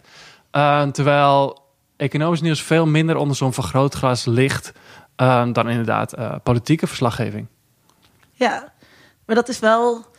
ehm, ja, het lijkt inderdaad eh, een, een, soort, ja, dat het een, meer een technische analyses zijn. En daardoor ook neutraler of objectiever. Dat is, is, is dat als je de economische pagina's. Ik heb nog nooit een discussie gehoord dat deze analyse van de economie en de relatie tot. is heel erg. eh, eh, eh, dus weer die linkse volkskrant die gaat wijzen over wie de productiemiddelen in handen hebben of zoiets. Dat, dat zie je niet. Nee, en, en dat is wel grappig, want nou ja, we hebben het hier nu vandaag over gehad. Ehm, maar ik heb ook veel onderzoek gedaan naar, of nou niet veel, dus eigenlijk valt eigenlijk wel mee. Onderzoek naar politieke satire. En daarvoor word ik wel heel vaak gebeld. Van, wat voor invloed heeft Zondag met Lubach nou? Ja. Ehm, en daar heb ik twee studies naar gedaan. Ik heb volgens mij tien studies over economisch nieuws. Maar daar word ik nooit over, wordt, wordt eigenlijk nooit over gevraagd van... Ja, wat voor invloed heeft dat nou? En daar worden misschien soms wel mensen door over geïnterviewd. Maar het staat eigenlijk veel minder centraal in de media wat voor invloed zij nou eigenlijk hebben over eh, op, op economische percepties. Terwijl als het over satire gaat, ehm, of nou ja, stemwijzers of zoiets, daar is veel meer aandacht voor. Ik vind dat, eh, eh, ik vind dat dus heel, heel. Ja, ik, ik begrijp het ook wel, want die politieke satire is natuurlijk ook gewoon kek. Weet je wel, dat is ook gewoon een heel geinig onderwerp. En ik, vroeg, ik beg- begon ook met, weet je wel, hoezo economie? En het is gewoon eh, droger. En eh, voor mensen die eh, misschien ook een wat meer specifieke interesse hebben. Ehm, terwijl ja, media schrijven graag over, over, over media. En dan is dit gewoon. dan is satire een heel pakkend onderwerp. Ja, maar dit, het is. Het is ja, ik, ja, ik neem aan dat jij je ook erover hebt verbaasd. Dat je zegt: de effecten die ik kan laten zien over economisch nieuws zijn zo veel, veel bepalender voor hoe, hoe de samenleving functioneert. dan dat leuke programma op de VPRO eh, op zondagavond. Ja, ja zeker. Dus het- dat is wel opmerkelijk dat daar minder aandacht voor is. Ehm, misschien nog even terugkomen naar de methode waar we het eerder over hadden. Want waarom nou economisch nieuws? Dat vroeg je nu eigenlijk nog een keer. Ik denk ook dat het een hele belangrijke, of eigenlijk goed te onderzoeken setting is eigenlijk. Wat heel veel andere, wat bijvoorbeeld voor eh, politiek, eh, politieke communicatie er niet is. Of voor satire niet is. Is dat er dus hele duidelijke trends zijn waar te nemen in de echte wereld. Dus werkloosheid gaat omhoog. Er is meer of minder economisch vertrouwen. En die dingen worden allemaal zo vaak gemeten en over tijd gemeten, dat je dus al die Ja. indicatoren hebt. Wat het dus heel erg goed te onderzoeken maakt. Terwijl voor politieke verslaggeving, ik kan niet zeggen het gaat beter of slechter met de politiek. Je kunt misschien zeggen, nou gaan meer of minder mensen stemmen. Maar uiteindelijk is daar ook niet heel veel eh, onderzoek naar gedaan over die lange termijn trends met de relatie tot media. Ehm, maar voor economische verslaggeving en economische percepties zijn er dus herhaaldelijk maandelijkse metingen, wat een hele rijke bron voor communicatiewetenschappers maakt.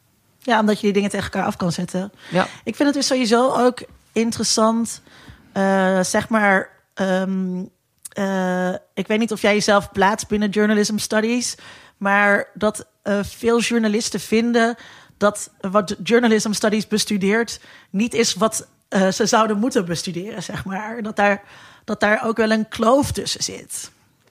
Ja, ja nou, daar heb ik eigenlijk niet zoveel over te zeggen. Nou ja, dat er bijvoorbeeld ook heel weinig eh, eh, journalisten naar het etmaal van de communicatiewetenschap komen. ehm, om daar naar paperpresentaties te luisteren. En dat er gewoon ja, wel van elkaar af is. Dit, Het is een enorme, enorme kloof. Dus, eh, eh, maar, maar jij zegt ook economen, of ik, ja, nou ja, we, we herhalen dat. Zijn economen geïnteresseerd in dit onderzoek? Ja, ehm, er was een man, ik ben zijn naam vergeten, bij de Economische Bank, of de Nederlandse Bank, die me ooit heeft, eh, contact heeft opgenomen over, en die citeert me ook wel eens in zijn papers. Eh, dus daarin komt er wel terug. Ehm, ik denk dat economen misschien ook wel geïnteresseerd zijn in dat methodologisch paper van hoe meten we dit nou automatisch? Want zij denken daar dus helemaal niet over na. En doen nog steeds die automatische methodes gewoon blindelings toepassen eigenlijk. Dus ik hoop dat zij ook een beetje wakker geschud zijn. Ehm, en verder, ja, ik denk dat economen vooral ja, in de economie geloven. Ja. En hoe de economie functioneert. En niet zo per se naar het individuele niveau van mensen, maar dus echt het platgeslagen willen zien.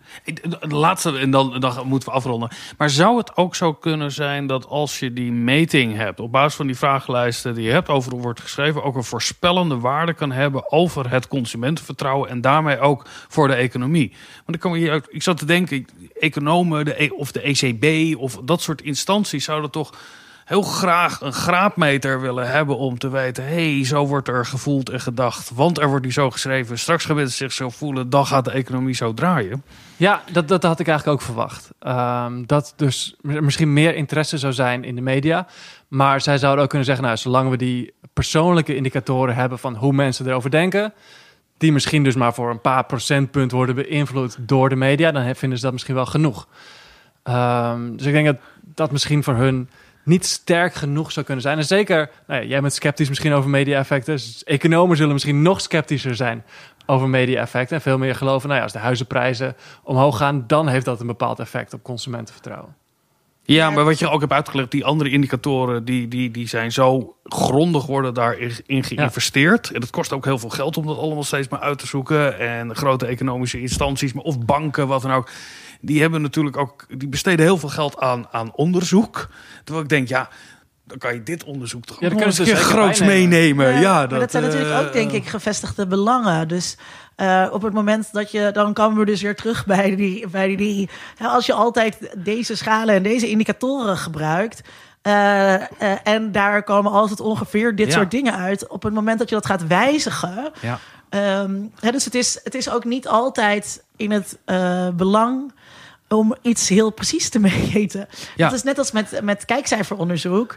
Ja, dat wordt op een bepaalde manier gedaan. En, en als, we, Ja. als we dat anders gaan doen... ja, dan, dan ehm, hebben talkshows misschien een probleem. Ja, nee, dat zie je nu ook aan de peiling in de verkiezingen. Dat op, ja, je- je gaat daar pas. Als, als het positief is, dan roep je het gaat goed. En als je heel laag staat, dan zeg je de peilingen kloppen niet. Nou, maar peiling vind ik trouwens wel ook een heel interessant onderwerp. Want daar wordt natuurlijk ook heel veel onderzoek naar gedaan. En daar zijn journalisten zich wel in de afgelopen jaren veel bewuster van geworden. eh, hoe je daarover moet schrijven. En we zijn ook veel terughoudender geworden met eh, berichten over ehm, eh, effecten van bepaalde politieke gebeurtenissen op de peilingen. Ja. Ehm, Maar dat is weer de focus op politieke verslaggeving. Ja. Eh, wat we dus wel blijkbaar heel belangrijk vinden als media. ja. Ehm, terwijl economisch nieuws blijkbaar dan toch nog in een minder belangrijk daglicht staat. Ja, waar we het ook over hadden, als economische of journalisten nou eens heel positief over de economie gaan schrijven worden. Ik zat te denken, en in Denemarken had je een groepje filmmakers die in één keer hebben besloten: we gaan alleen nog maar roepen dat we fantastisch zijn en dat het zo goed gaat. Eh, daar is Lars van Trier en wat dan ook uitgekomen. Eh, door gewoon de afspraak te maken, nee, of het nou waar is of niet, we blijven gewoon roepen dat het fantastisch gaat. En dat we zoveel kansen en aandacht en wat dan ook. Als je dat over de Nederlandse economie ook gaat zeggen, je gaat het daarbij, dan wordt het toch ook beter van. Dus hierbij mijn oproep aan alle journalisten in Ja. de economie. Roep dat mooi, het fantastisch mooi gaat. dat je aan het einde dan toch gewoon die media-effecten nog veel groter wil maken.